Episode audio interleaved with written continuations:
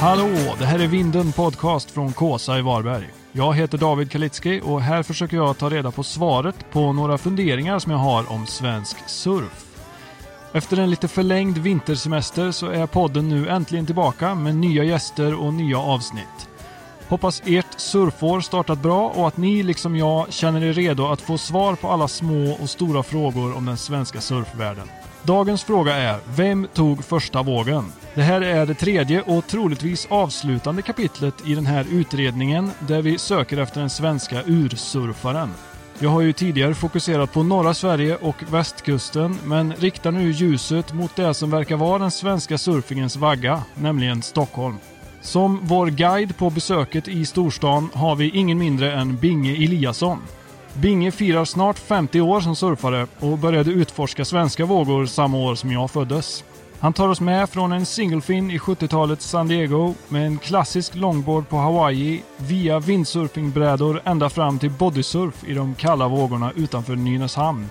Som ju har blivit något slags epicentrum för den svenska surfboomen. Det här är mitt snack med Binge Eliasson. Varsågoda! Får börja med att hälsa välkommen till Vinden Podcast. Okej, tack ska du ha. Hur är läget med dig? Ja, det är bra. Just idag är det bra.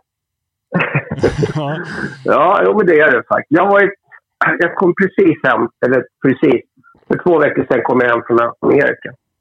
Och sen har jag varit med mina barnbarn och då blev jag sjuk. Så att, ja, i förrgår vart jag frisk igen. Så i, i, idag mår jag jättebra. Ja, det är en klassiker. Ja. ja, det är det verkligen. Såna- De är snuviga och man åker dit och så blir man sjuk. Ja. Ja.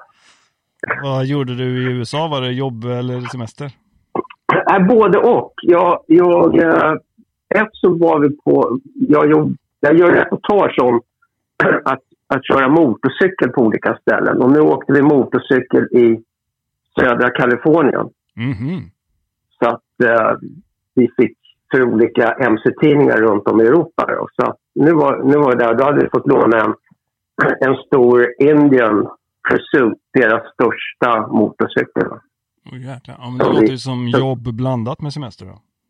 Ja, verkligen. Det var jättetrevligt. Då. Så så att, eh, och vi åkte då på den... Alltså, om du tänker dig området mellan Los Angeles och eh, San Diego hela vägen till eh, Arizona. Ja, okej. Där, det, det är ett område som är väldigt okänt och väldigt få människor åker dit. Men det var jättespännande att vara där. Det var jättekul. Fin, otroligt fin natur. Mm. Ja, så det var jättetrevligt. Och efter det, då bodde jag hemma hos en, en kompis som heter Bill Stewart och han gör surfbrädor i Kalifornien. Så jag var ute och surfade där Ja, i fyra dagar. Ja. underbart. Runt eh, San Ja, Diego det- eller? Nej, det här är i San Clemente. Mm. Ja, och då surfade jag på San Onofre, om du vet vad det är för något. Ja, jag läste något om Ja. att det var lite något oväder som spolade bort Ja. halva stranden där. Det- Ja, det hade redan börjat. Så nu när jag var där, då kunde man bara... Då, kun, då var det bara parkeringsplats för typ 40 bilar. Jaha, och Och normalt ett- sett ja. är det flera hundra liksom eller? Flera hundra, ja. Ja. För då åker man ner på stranden. Men nu, efter jag åkte dit så kom det ett jätteoväder till. Så nu är den avstängd helt. Jaha, Så jag kan ha varit en av de sista som faktiskt har fått surfa på ett av de mest klassiska surfställena i världen. faktiskt. ja det får man ju säga. Ja, shit. Ja, Var det bra, bra förhållanden? jättebra. Och vi var typ bara nio ute och surfade. Ja, jäklar. Ja, så att det var typ axelhögt. Det, San Onofre är ganska speciellt för det är, det är, det är, som, det är som en långsam våg. Mm. Det är perfekt för longboarding. Så det, den, det, den bryter aldrig tubigt, men den bryter tillräckligt för att du ska kunna ha jättekul på en longboard. Mm. Ja, och sen har du ju då, går du, eh, vad heter det, 300 meter, 400 meter norrut längs stranden, eller det finns, då kommer ju trussel, lowers och uppers. De Ja. ligger ju där då. Ja, Ja. precis. Där är det lite, lite häktigare stämning. Ja, verkligen. men, men det var, nej, det var eh, jättekul att få surfa där. Ja, jag tänker, jag brukar börja lite med en, eh, ett litet personlighetstest kan man kalla det kanske. Det är Okej. inte så allvarligt, men eh, du får två alternativ och så måste du välja det ena. Jaha, okej. Eh, Så vi kan börja med några snabba här bara. Högervåg eller vänstervåg? Vänster. Du är goofy då, antar jag? Nej. Nej, ja, du gillar Regler. backside. Ja, eh, du vet att det börjar ju så att man bara ville köra höger. Men sen tränade jag och tränade och tränade så att jag kunde liksom droppa ner. Men, men om du tänker en vänstervåg, då har du ju eh, ansiktet ner mot vågen. Så när man gör svängar upp på vågen och sen ner igen så kan man göra dem mycket, mycket. Alltså jag tycker det är mycket roligare. Mm. Du vet om du åker på en skateboardramp. Mm. Det är mycket, mycket lättare att svänga på skateboardrampen när du har ansiktet neråt än om du har ryggen. Ja. Förstår du vad jag menar? Ja, ja, absolut. Jag håller med. Och, och det är samma på en sån här våg. Så har du bara grejat bottensvängen som är den krångliga då när du är liksom, om du inte är goofy utan det är regular. Då får du ju jättemöjligheter att göra jättefina svängar. Ja. Ja, jag kan verkligen uppskatta vänstra. Jag tycker det är lite svårt att Ja. generera fart, men annars så är det gött tycker jag. Ja, precis. Men, men, men eh, ja, jag tycker det, det, det... De svängarna man får till där tycker jag är de roligaste verkligen. Ja. ja, till nästa punkt. Beach break eller point break? Ja, då är det point break utan Ja, diskussion. Det, det bästa med point break tycker jag är att det, det är det bästa sättet att lära sig surfa på. Ja. För du, kan, du får möjligheten att göra kanske tre, fyra, fem svängar på en våg. ja. Eh, nästa, longboard eller shortboard? Aha!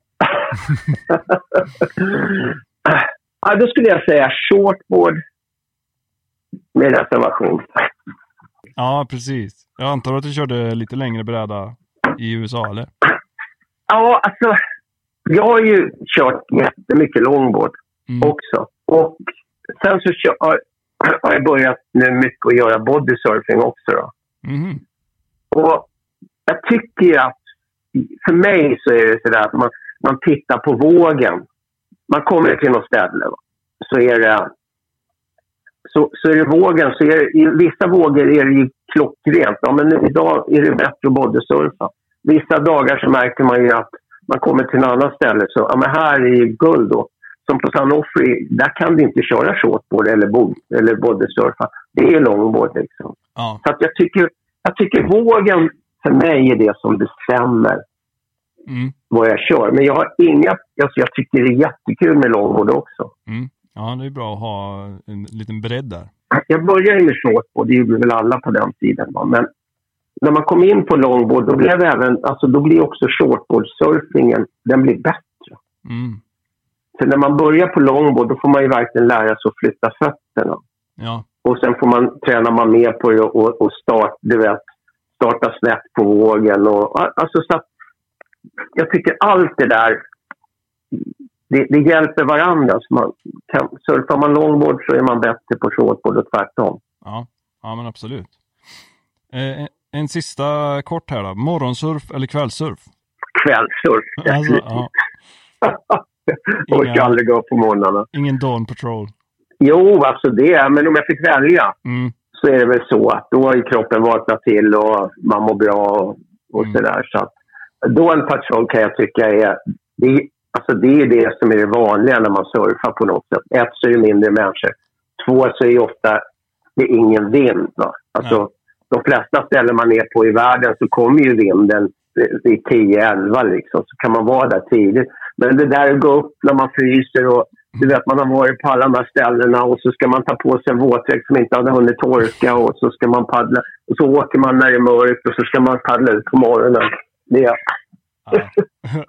Nej, när du beskrev det så så lät det inte så lockande faktiskt. nej, det, det, det. Men man har gjort det överallt. Så är det, är det då det är bra, då är man där. Liksom. Ja. Eh, en eh, lite längre fråga här då. Köra runt och leta efter det okända spottet. Jakten slutar aldrig. Eller köra rakt till det välkända spottet. Det funkar ju alltid. ja, Är du en vanemänniska? Kör du eh, liksom, eller ger du hellre ut och letar nya vågor? Nej, jag, jag tycker nog att det är kul att leta, leta nya vågor. Och, och det, alltså det var ju mycket, mycket mer så förr i tiden innan väderleksrapporterna kom, alltså vågrapporterna. För då kunde man komma till ett ställe så såg man det var, jag hade inget bra här och då åkte man och letade och letade och letade. Mm. Idag så har man ju ganska bra koll på var det är bra någonstans. Så det blir mindre och mindre att man åker runt. Man kan ju, man kan ju sätta sig ner och, och ibland så kan man ju sätta sig ner och kolla på en karta. Liksom. Ja, men idag kommer vågorna därifrån. Ja, men då kommer inte det här att funka. Ja, men det kanske funkar här. Vi åker dit och tittar. Liksom. Mm. Men det är sällan man har varit först på något ställe. De flesta har ju koll på det nu. Ja. Men är du till och med så att du kan dra iväg även om du vet att det är bra på ditt standardställe? Det är svårt att offra tycker jag en bra dag hemma för att leta.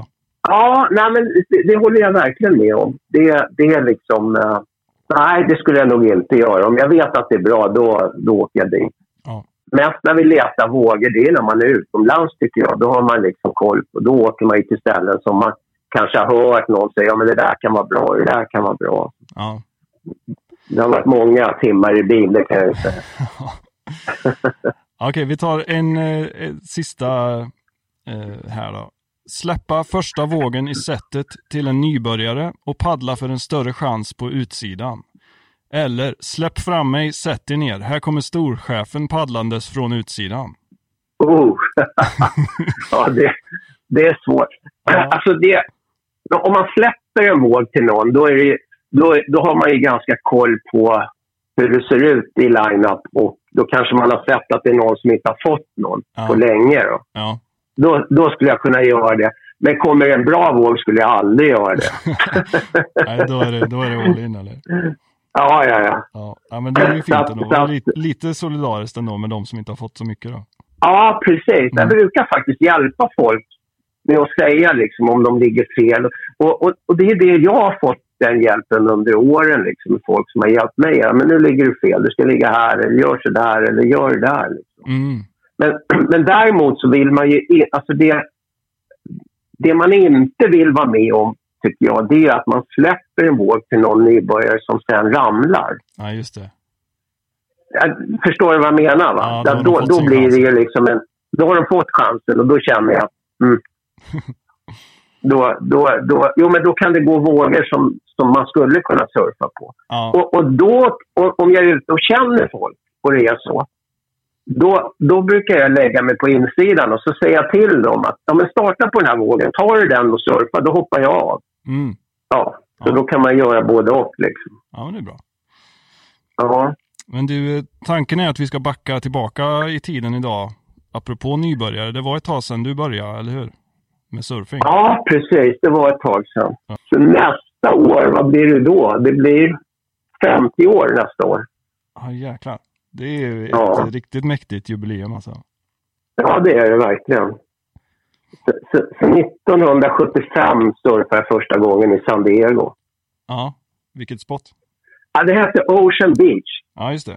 Ja. Vid piren. Som var... Ja, precis. Var det succé direkt eller var det sån... Nej, nej, nej. nej. Andra? Nej, alltså, alltså grejen var... Om jag, om jag backar ännu längre så, så, så... Jag är uppväxt i en familj som har snorklat och simmat och seglat. Ja. Så att eh, mina föräldrar de tog dykcert 1959. Det var först i Sverige. Liksom. Oh, och, så, så, att det här med att snorkla och dyka och segla gjorde jag ju jämt på landet. Liksom. Mm. Och jag tror det var någon gång på, ja, när kan det ha varit 16, 17, då hittade jag en på, på det fanns en pressbyrån på Odengatan och där hittade jag en Surfer Magazine mm. som jag köpte. Och var, var liksom, då var jag helt fast i det där. Jag tänkte jag måste ju få prova det där. Det där verkar ju skitskoj. Mm. Så hela tiden därifrån då, så när jag gick klart skolan då hamnade jag uppe i Norrland på Jägarna på, vi gjorde lumpen. Ja. Och, och, då, och då gick jag hela tiden och drömde om Waikiki Beach. Ja, det var det som det var det som liksom fick mig igenom alla de här tråkiga marscherna och kalla nätterna och allting. Ja. Så, att- och, så, och då höll jag på i Sverige också och åkte tävla utförsåkning och åkte mycket utförsåkning. Ja. Så att direkt efter lumpen så åkte jag ner till... Eh, jag kände några som bodde i, i Steamboat Springs i Colorado. Mm. så då åkte jag dit upp eh, tävlade utförsåkning. Det gjorde jag i tre säsonger. Mm. Men första säsongen då så eh, kände jag, eller träffade ju folk och då, då var det många från Kalifornien där och många som surfade. och precis då kan man säga, då hade jag också bör, det börjat bli stort med, där är 75, då hade det börjat bli stort med skateboard. Så jag började skata då. då. Mm. Och eh, man åkte ner för bergen i Colorado där. Det var ju liksom när inte, i, när det inte funkar med att åka skidor. Ja. Men det var en av dem som bodde nere i, i, i uh, Del Mar faktiskt. Vi, det gjorde att jag åkte till San Diego och tänkte att här ska jag lära mig surfa. Ja. Och då hade jag med mig en kompis från Sverige. Så vi, vi köpte brädor och allting och så började vi själva då. Och jag tror det var typ andra dagen, då fick jag liksom, du vet det vanliga, man ramlar ner och så ställer man sig upp och så får man brädan i huvudet. så att det gick ju liksom, fick, fick åka och sy. Nej, Och, okej. eh, då, ja, och då sa ju läkarna, det är ingen idé, du, får inte vara i, du kan inte gå i vattnet på två veckor liksom, du måste få läkare. Aha. Och då, då ringde jag hem till min pappa och frågade, fan ska för han var läkare, vad gör jag nu då? Mm. Och då tyckte han, köp en, köp en badmössa som du kan ha på dig, så är det ju torrt. och det var ju någonting jag letade efter, men det fanns ju inga på den tiden, så jag hittade en med, med såna du vet, med blommor i, som för gamla tanter. och den skaffade jag. Och så skrev jag bak på den, Swedish Surf Team. Och så, så lärde jag mig surfa.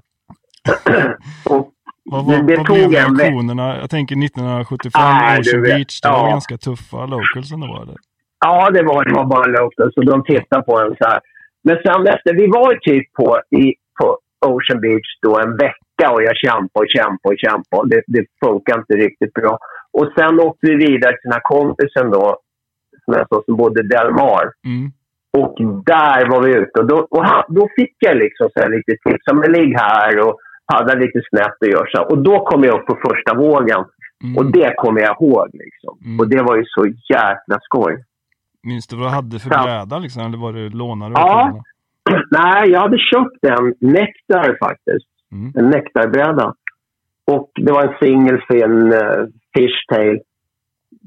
Ja, den var jättebra. Och den hade jag med mig. Den hade jag många, många år. Den hade jag, jag tog med den hem, hade den i tio år. Liksom. Men Okej.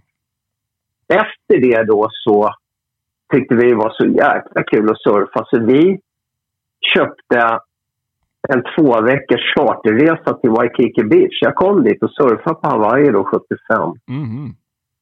Ja.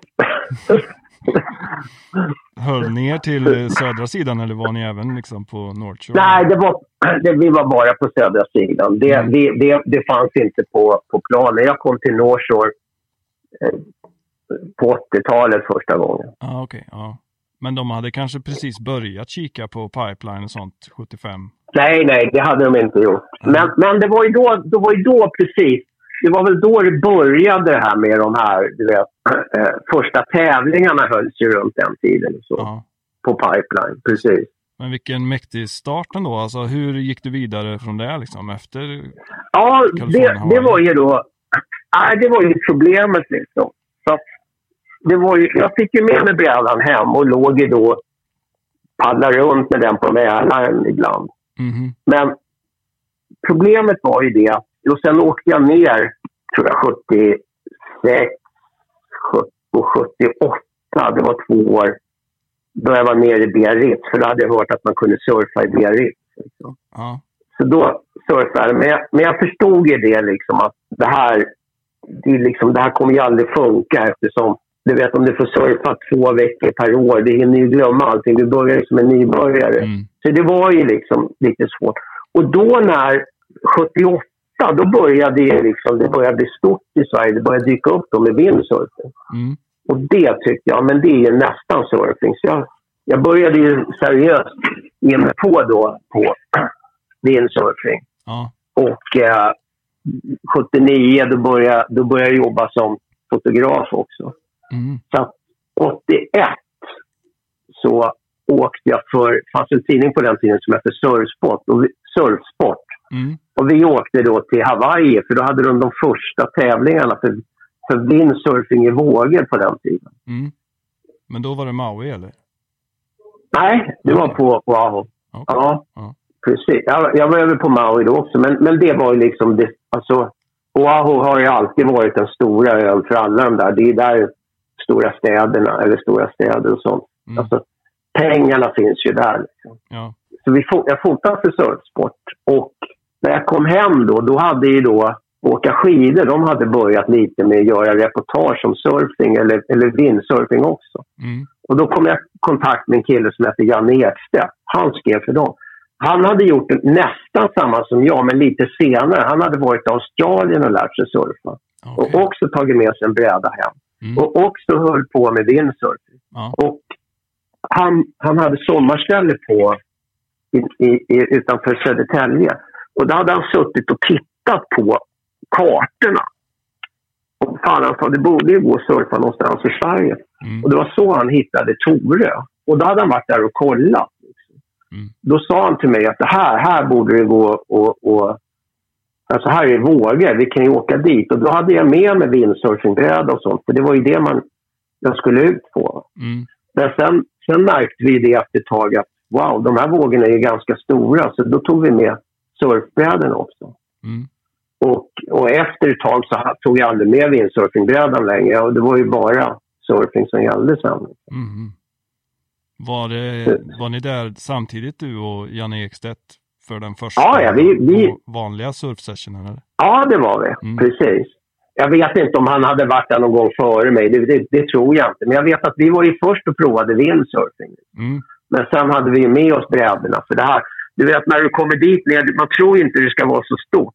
Nej. När, alltså när det blir stort, då kan det bli riktigt stort. Och då såg man ju wow.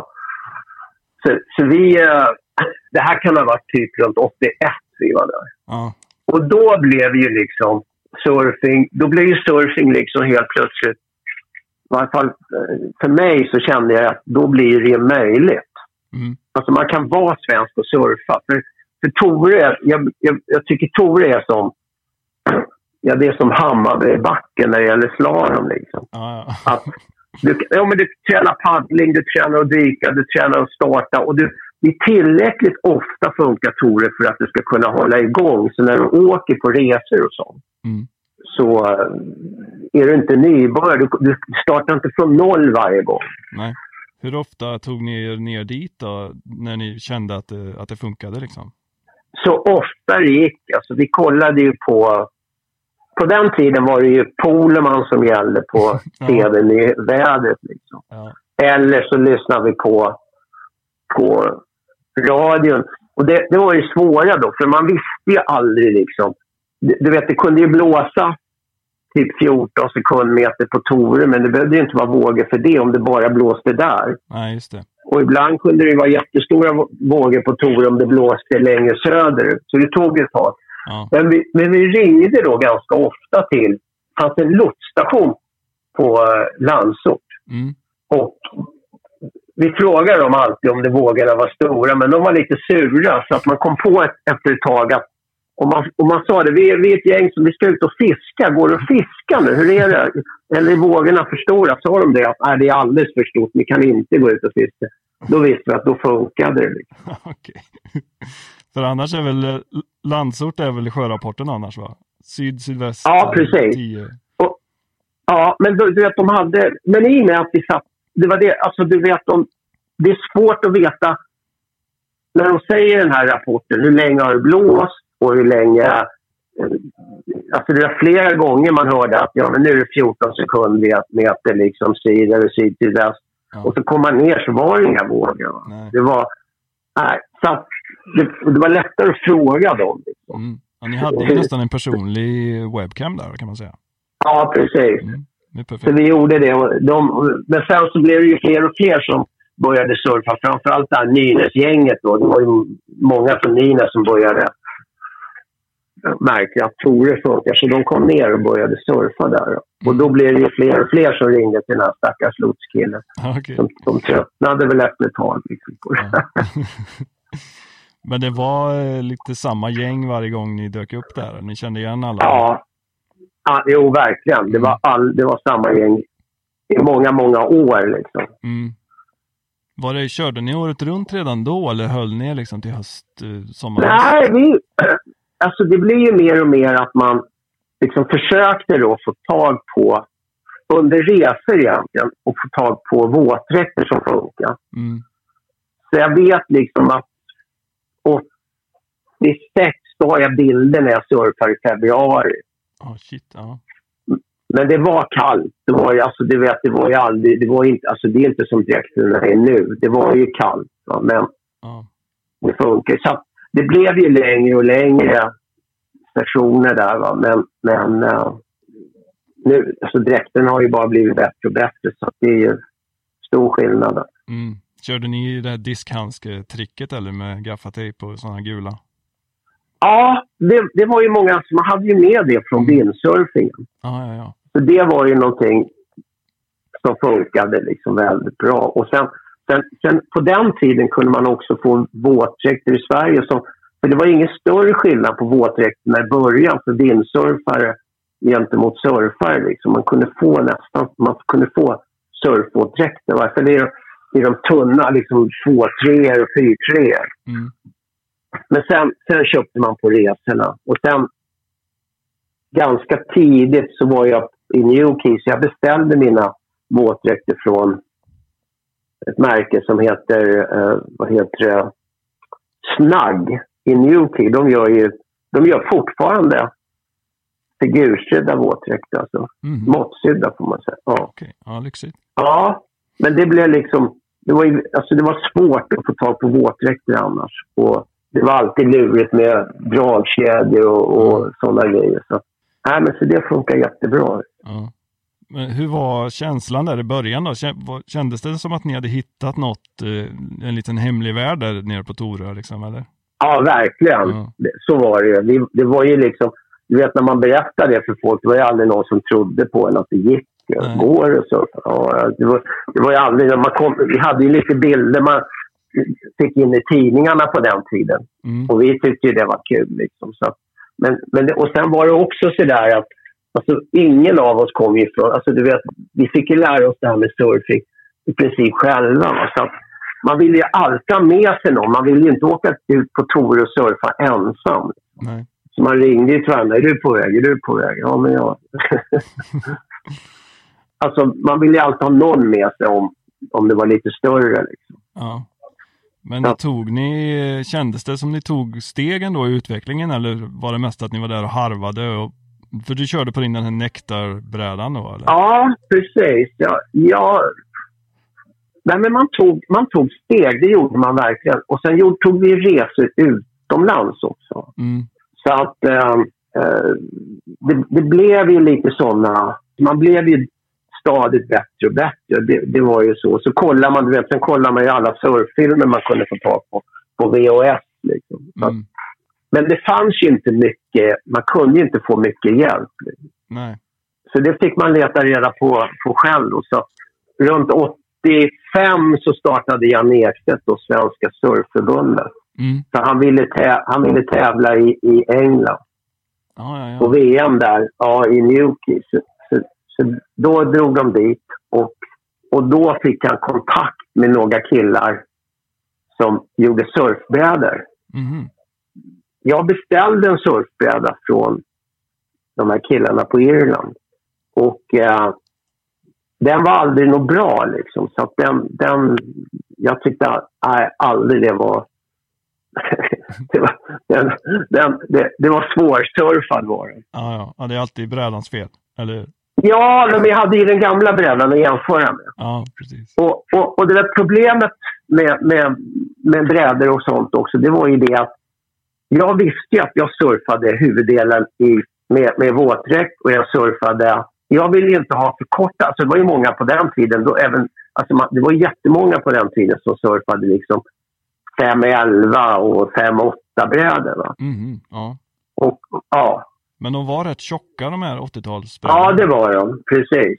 De var tjocka men korta. Men jag visste ju då att så duktig är jag inte, så jag ville ha en längre bräda. Ja. Så, så när vi beställde den här brädan från dem, då, och då hade de ingen kunskap i att göra större brädor. Så de tog ju bara en liten bräda och gjorde den större. Ja, ja. Och, och det funkar ju liksom inte. Så att den blev liksom bökig. Det blev en gun Och, nästan. eh, nej, alltså du tänkte en bräda, den blev för bred i akten egentligen för... Ah, Och, så det var, det liksom, det var, det var svårsurfat. Det gick ju så jävla fort när det stod på den. Okej, ja. Det sker. Ja, det var inget bra. Och sen beställde jag i alla fall en bräda då från, faktiskt från Almeric i, i Kalifornien. Mm. Och för jag skulle åka, jag ringde dem för jag visste att jag skulle åka över på ett jobb där. Och det här var väl, ja, kan det ha varit? 86 kanske. Någonting. Mm. Och den var jag aldrig nöjd med heller. Nej. Nej. så att, eh, och då gjorde jag så att jag... Den, och då hade det kommit en bok faktiskt. Det var en kille som heter George Orbilian som skrev på and Magazine om bräddesign. Eh, Så jag skrev ett brev till honom och bara frågade honom, vem är så här är jag håller på att kämpa i Sverige, så här ser det ut. Finns det någon shaper i Amerika, som, eller känner du till någon shaper som är duktig på att göra brädor för just en sån som mig? Då? Mm. Och då, då skrev han att det fanns en kille som hette Bill Stewart i San Clemente Mhm. som jag skulle kontakta. Så att jag gjorde det. Så när jag ringde till honom, då hade George Ulby redan- redan ringt till honom och sagt att det är en kille från Sverige som har skrivit det. De tyckte det var så konstigt, någon från ett annat land som skrev. Så han visste vem jag var. Ja. Och, ja, och sen dess har han gjort brädor åt mig. Jag, jag var där och köpte en bräda nu. Liksom. Ja, shit. Ja, det är den, den Stewart alltså som man... Ja, Ja, ja, ja. Så jag har ju, jag har ju liksom... Ja, han, blev ju, han är ju 72 nu och blev utnämnd som Kaliforniens bästa shaper Mm. bara för några veckor sedan. Bra, bra kontakt där. Det känns som det var lite... Det var kanske en mindre värld på den tiden. Att man kunde skriva ett brev och få svar och liksom få kontakt med en... Ver, verkligen. Ja. Det var verkligen... Ja, men, men så var det, det. Verkligen så var det liksom. Mm. Men det, och den stora grejen, det som, var, det som var turen med honom, eller som jag hade tur med, det var ju det att han... Alltså, historien var ju så att på... Först höll alla på med longboard. Mm. Och sen kom ju då den här shortboard, alltså helt plötsligt då runt 75, då började brädorna, eller tidigare då kanske 73, så började brädorna bli mindre och mindre och mindre och mindre. Och du vet ju i alla sådana här branscher, till slut blir de så jättesmå så ingen kan surfa på dem längre. Liksom. Ja. Och då var det ju många som var äldre och de var ju då sugna på Fan, jag vill ju ut och surfa. Och då, då började de köpa longboards på eh, såna här garage, garage sales. Då, då. Mm. Så, då, så, så helt plötsligt så startade det där longboard grejen igen och helt plötsligt kom folk på att fan vad kul det här är. Och det var i den vevan som Stewart då bestämde sig för att ja, men då gör jag moderna longboards. Ja. Han började då med, han var jättetidig med att göra nästan dubbelkonkava, enkelkonkava, V, rock. Alltså han började göra så att så hela hans designfilosofi har ju handlat om att få en bräda som är... I princip så kan du ju säga att en bräda som är lång Mm. är mycket lättare att paddla och mycket lättare att starta med. Mm. Men när du väl kommer upp på vågen så blir den trögare att svänga på. Ja. Så han, han, hans filosofi var alltid det. Paddle long, surf short. Just det. Så han, han började lägga in fullt med grejer i dem. Mm. Och, och det var det som passade mig bra. Så jag kunde liksom beställa mina brädor från honom som var 7-2 eller 7-6. då. Och fortfarande var de väldigt lättsvängda. Mm. 88 tror jag fick första brädan från honom. Jo, för han var, alltså han var så otroligt... Han var inte intresserad av... Som många andra shapers, så han var inte intresserad av att ha ett, ett team som surfade för honom. Han Mm. tyckte bara det var jobbigt. Va?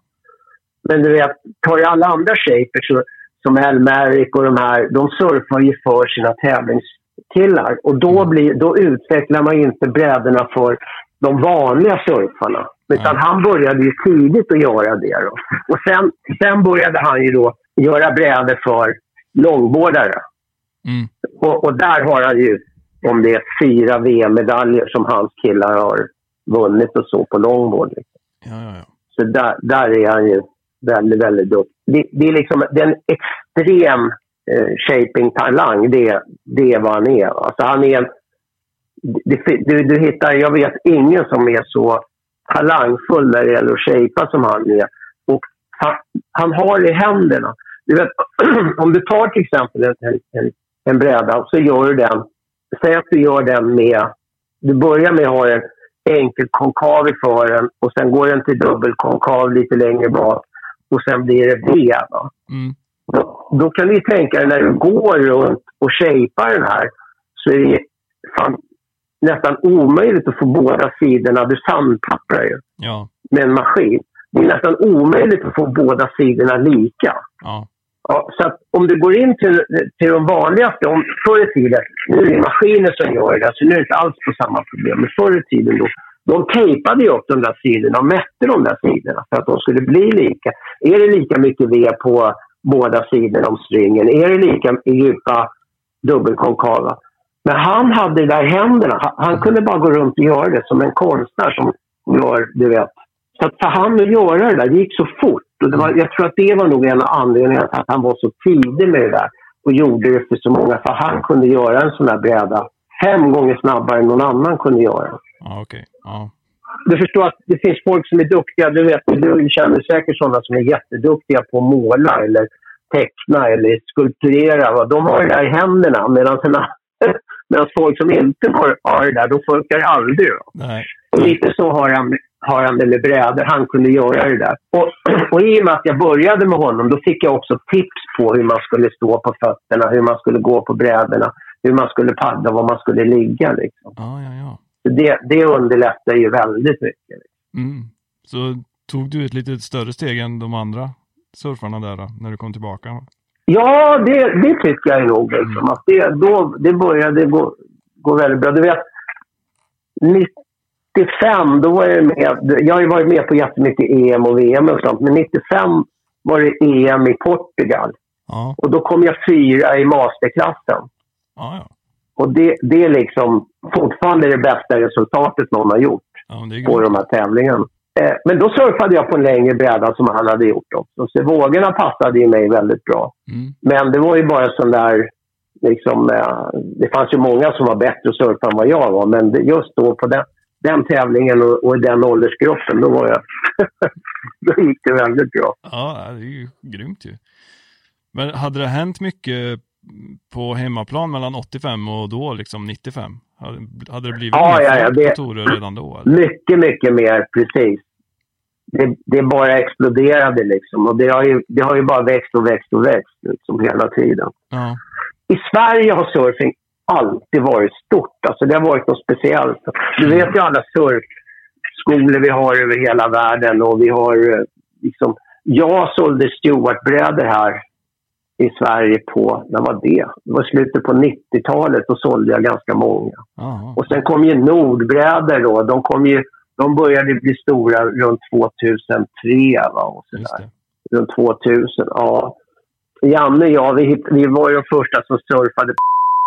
Det var ju såna här resor vi gjorde. Och sen, sen var vi surfade i, på också, tror jag. Mm. Det var de första där och sådär. Så, Alltså, vi ni, åkte mycket och ni letade. spred ut lite, ni tog er utanför liksom Stockholm och letade. ja, ja, vi letade ganska mycket, du vet. Ja. Man förstod ju det. Går du att surfa i Stockholm, då borde du gå och surfa någon annanstans. Ja, Och sen börjar ju de på västkusten komma med sina, hitta sina ställen också nu. ja. Var ni över här på västkusten och kollade också eller? Eller var det mer på vintern? Nej, i, i, nej det, det var inte mycket på västkusten och då fanns ju redan de här killarna från västkusten. Mm.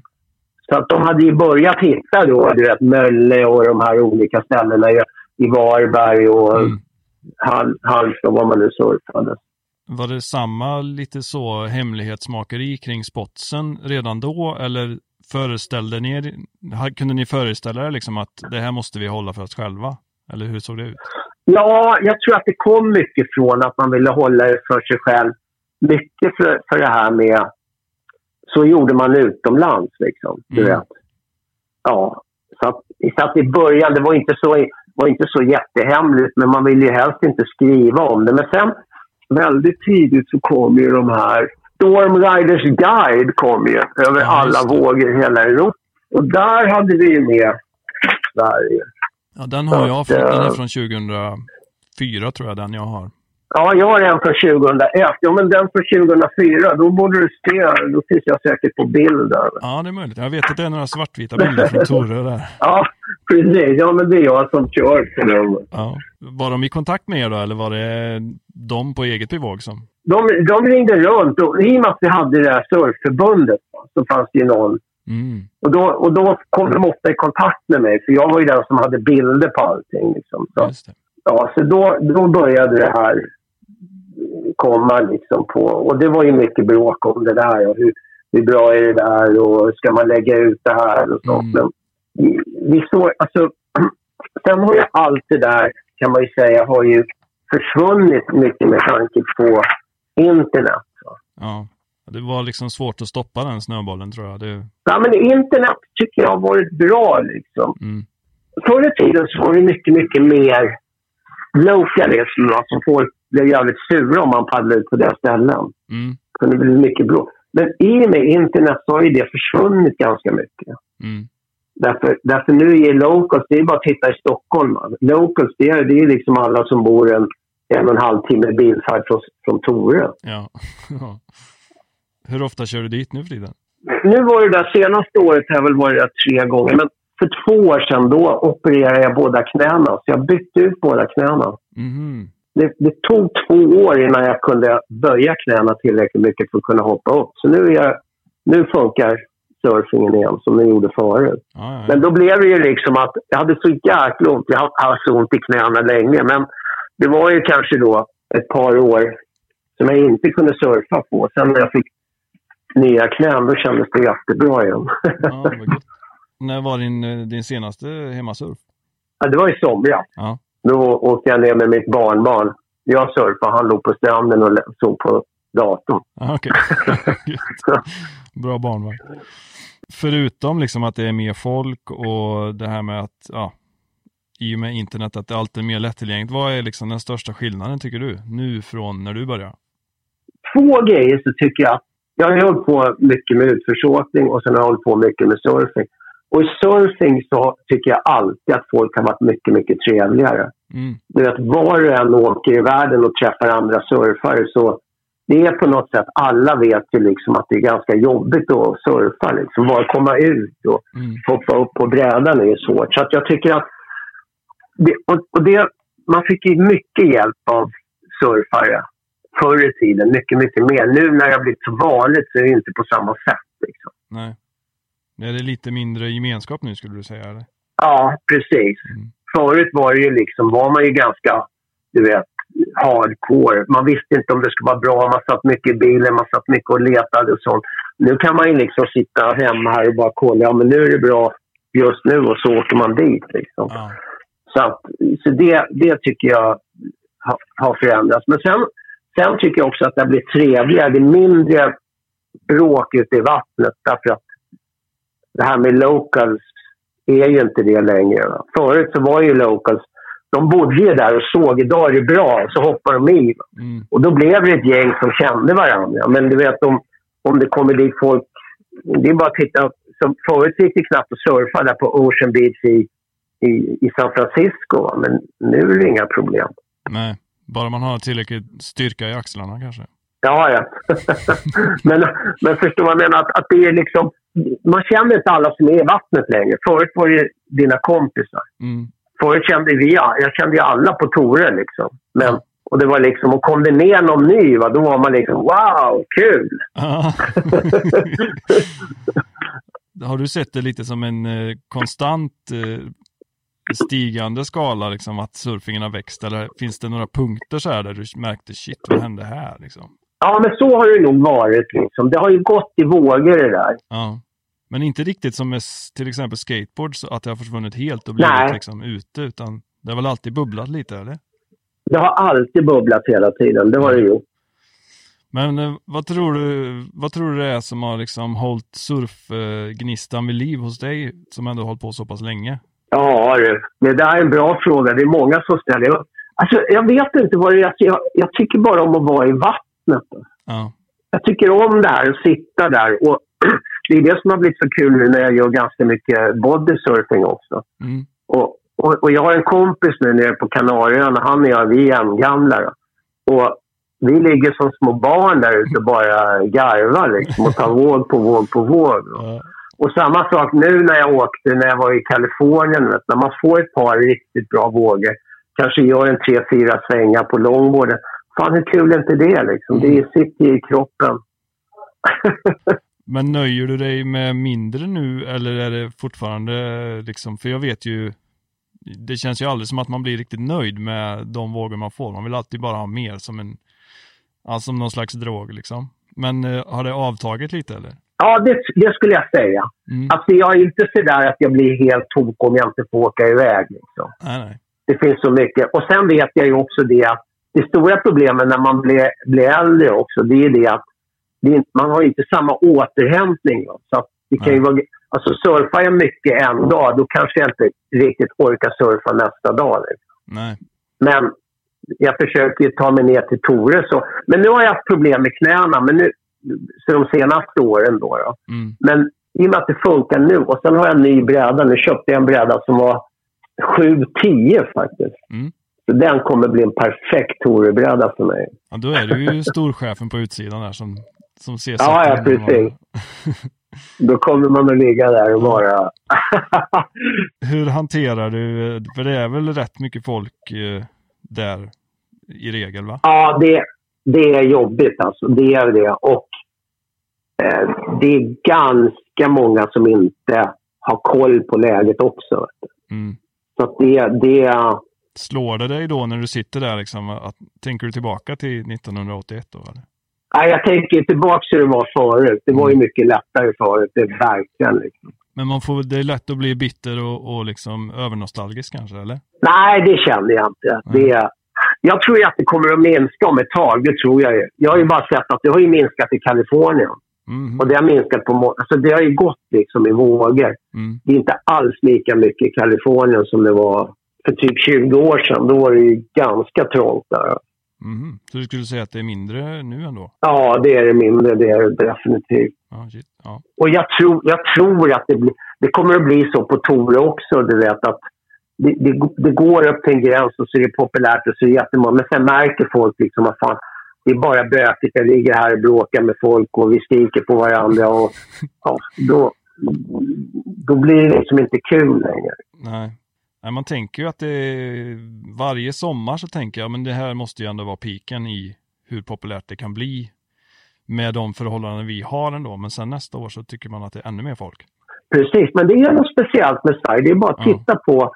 Du vet, jag vet inte hur det är nu, men det var ett tag så hade vi ju fem stycken såna här surfskolor, du vet, överallt. Va? Det fanns ju på... Det fanns ju en surfskola på eh, Lombok, tror jag det var. Det fanns en surfskola på Bali. Det fanns Mm. en surfskola... eh, Det fanns ett, liksom tre i Marocko. Det fanns åtminstone tre i Biarritz och det fanns åtminstone två i, i Port. Alltså du vet, vilken annat land har så många där? Nej. Pumpa ner folk. Va? Och, och sen har du... Sen kan du titta här på...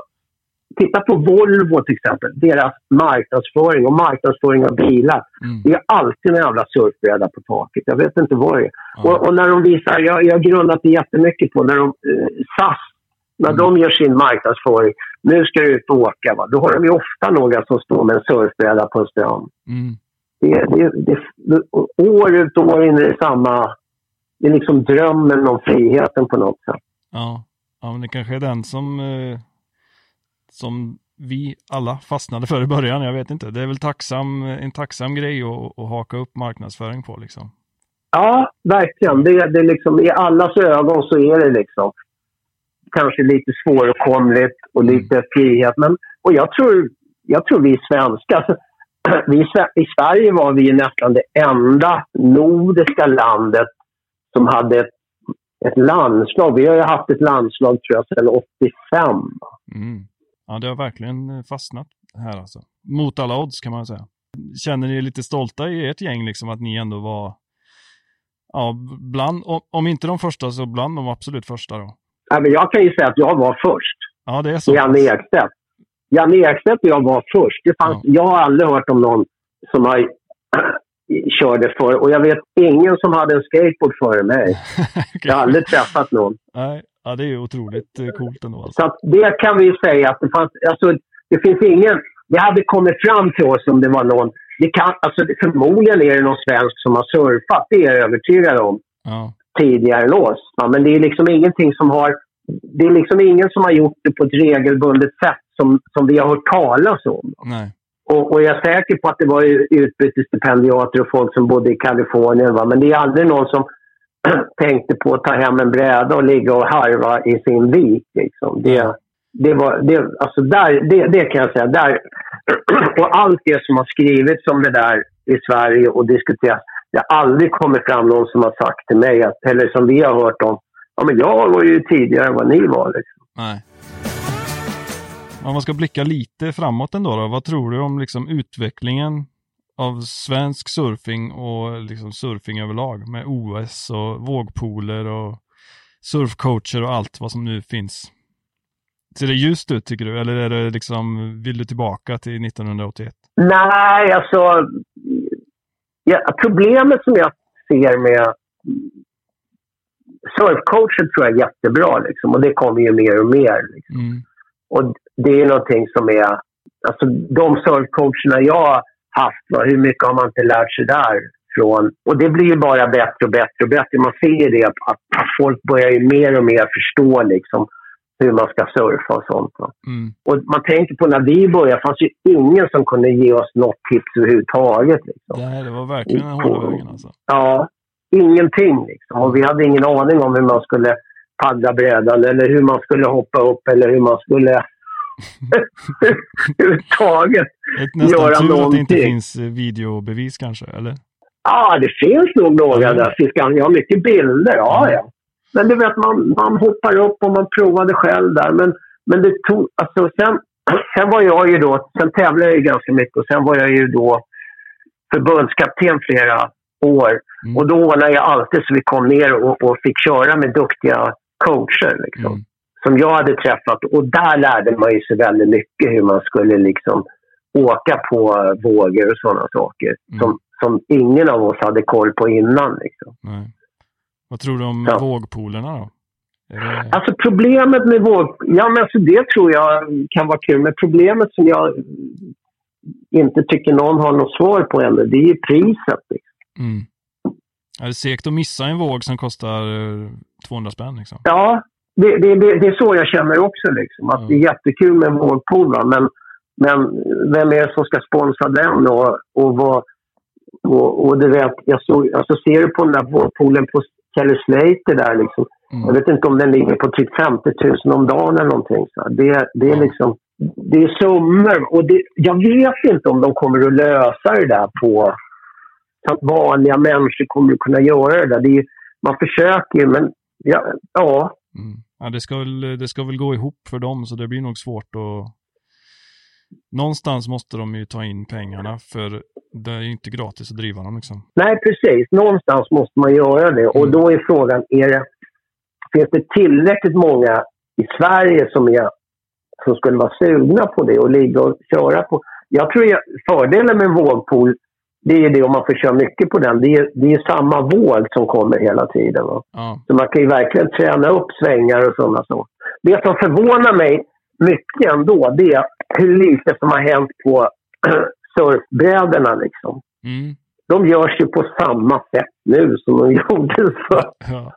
50 år sedan. Liksom. Ja, det är faktiskt... Eh, det är faktiskt sjukt. Jag föredrar ju PU-brädor också, så jag är ju verkligen old school på det sättet? Ja, men jag tror att, eh, vad heter det, nu när jag var i Kalifornien, då, han, de gör ju både då, de, alltså, han gör ju med de nya epoxybröderna också. Mm.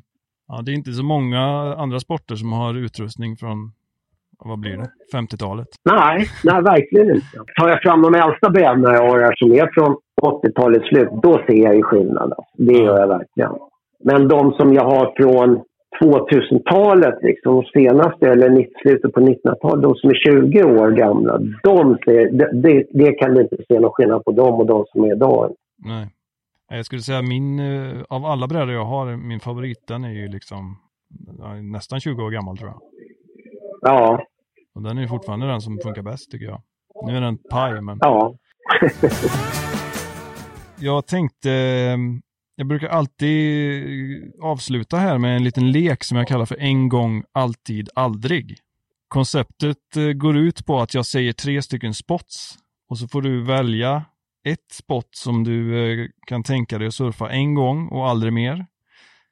Ett spot som du skulle vilja surfa för evigt och ett spot som du kan välja bort helt och hållet. Är du med på reglerna? Okej, okay. ja ja. Självklara första eh, vad heter det, alternativet får ju bli Torö då. Eh, alternativ två är här där jag sitter, Kåsa i Varberg. Jag vet inte om du har provat okay. den vågen? Jo, det har jag gjort. Ja. Den, den kan jag välja bort ja, men och så säger vi som nummer tre kan vi väl ta Sign on Offrey då, där du nyligen besökte. Ja. Men Kåsa ryker direkt säger du? Det var ingen, inte ens Ja, ja. Nej, vi har varit där på, jag har till och med varit där på tävlingar liksom. Ja. Jag tyckte inte det var... Ja. ja. Nej. Nej. Men Tore, Tore är en favorit. Mm. Det måste jag säga. Va? Alltså, I och med att det är Sverige. Men sen har ju den fördelen. Har du surfat Tore någonting? Jag har faktiskt aldrig varit där. Det har jag kvar på min Nej. Eh, bucket list. Ja, du kommer verkligen att bli förvånad därför att ett så är det, det är nästan som ett, man ska säga beach break. Ja. ja. Och det gör att det, det, är ganska många människor som kan ta vågor där. Mm. Som, som är en fördel. Men sen kan också vågorna bli väldigt stora. Alltså det, det, alltså man, man märker det verkligen att det, det, när det är stort där, då är det stort. Va? Det är liksom klart över huvudet.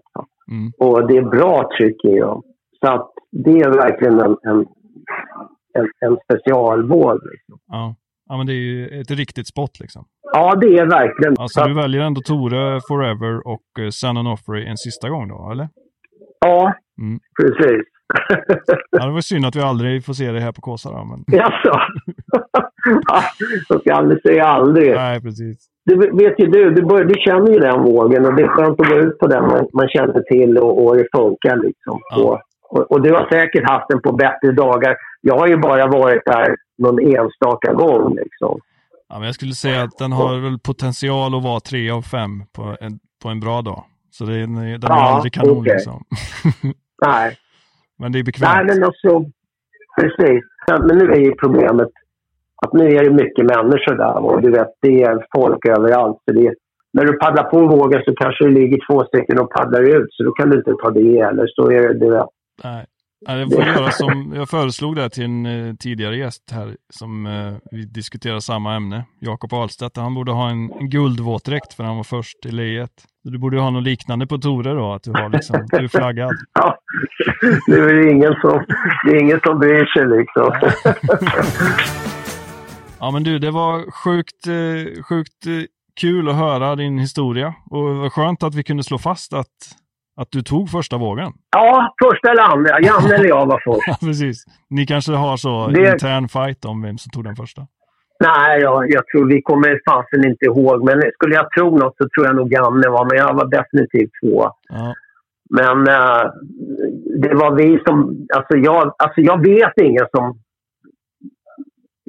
Alltså som, det, det, det kan ju ha varit någon, men det är ingen som har officiellt visat att de har gjort det. Liksom. Nej. Det fanns ju de som vindsurfade, men ha en bräda där man kunde, alltså en riktig surfbräda. Mm. Det, det var, han och jag hade det. Liksom. Mm. Så att, uh, nej, det, jag tror att du kan... Uh, jag kan stänga, jag kan stänga utredningen. Ja. Eller så får du göra en efterlysning. Men då, det, är, det är svårt liksom på ja. den, men ja. Vi får se om det, om det kryper fram någon sån, eh, en superoriginal ur någon stuga någonstans. Som... Precis, som har legat själv och kört på sin våg där. Ja. Ja, det var coolt. Ja. men jag, du vet, man trodde inte det skulle... Förut var det ju så. Man trodde inte det skulle gå. Du vet, man pratar ju... Du pratar Biarritz, du pratar England, du pratar... Men sen helt plötsligt så börjar man prata om att ja, men Portugal går ju att surfa på. Mm. Ja, men det går ju bra att surfa i, på Irland, det går bra att surfa i Skottland. Och sen börjar ju norrmännen... Wow. Så Mm. det är väl det som... Och jag tror att när, vi, när jag började surfa, då kände jag bara till USA, Hawaii, Australien och Biarritz. Man kände inte till några andra områden direkt Nej. på 70-talet, alltså början på 70-talet. Ja. Och jag tror det gjorde väl att det var inte många som tog med sig brädor hem till Sverige då heller. Nej, precis. Vad ska du med den till liksom? Ja, precis. Ja, skitmäktigt historia alltså. Jag är imponerad att du håller i fortfarande. Kul. ja, nej, men jag kämpar på. Ja. ja, nu, ska nu är det dags att få igång barnbarnen här. Ja, ja, ja, ja men det är ju grymt. Ja, men kul, du får ju höra av dig till mig om du kom, kommer upp till Tor eller någonting. Då. Ja, det ska jag absolut göra. Jag, Ja, jag kan ju inte ha en bättre guide i alla fall. Nej, precis. kul att prata med dig. Ja, detsamma. Stort tack Ja. för idag. Det är bra. Ha det Hej. Hej.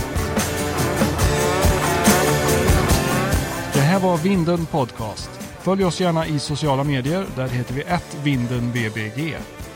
Om du har förslag på något ämne eller en gäst du skulle vilja se och höra här i studion, då får du gärna mejla till podcast.vindenvbg.se eller skicka DM på Insta. Vi hörs snart igen hoppas jag. Tills dess, ha det bra!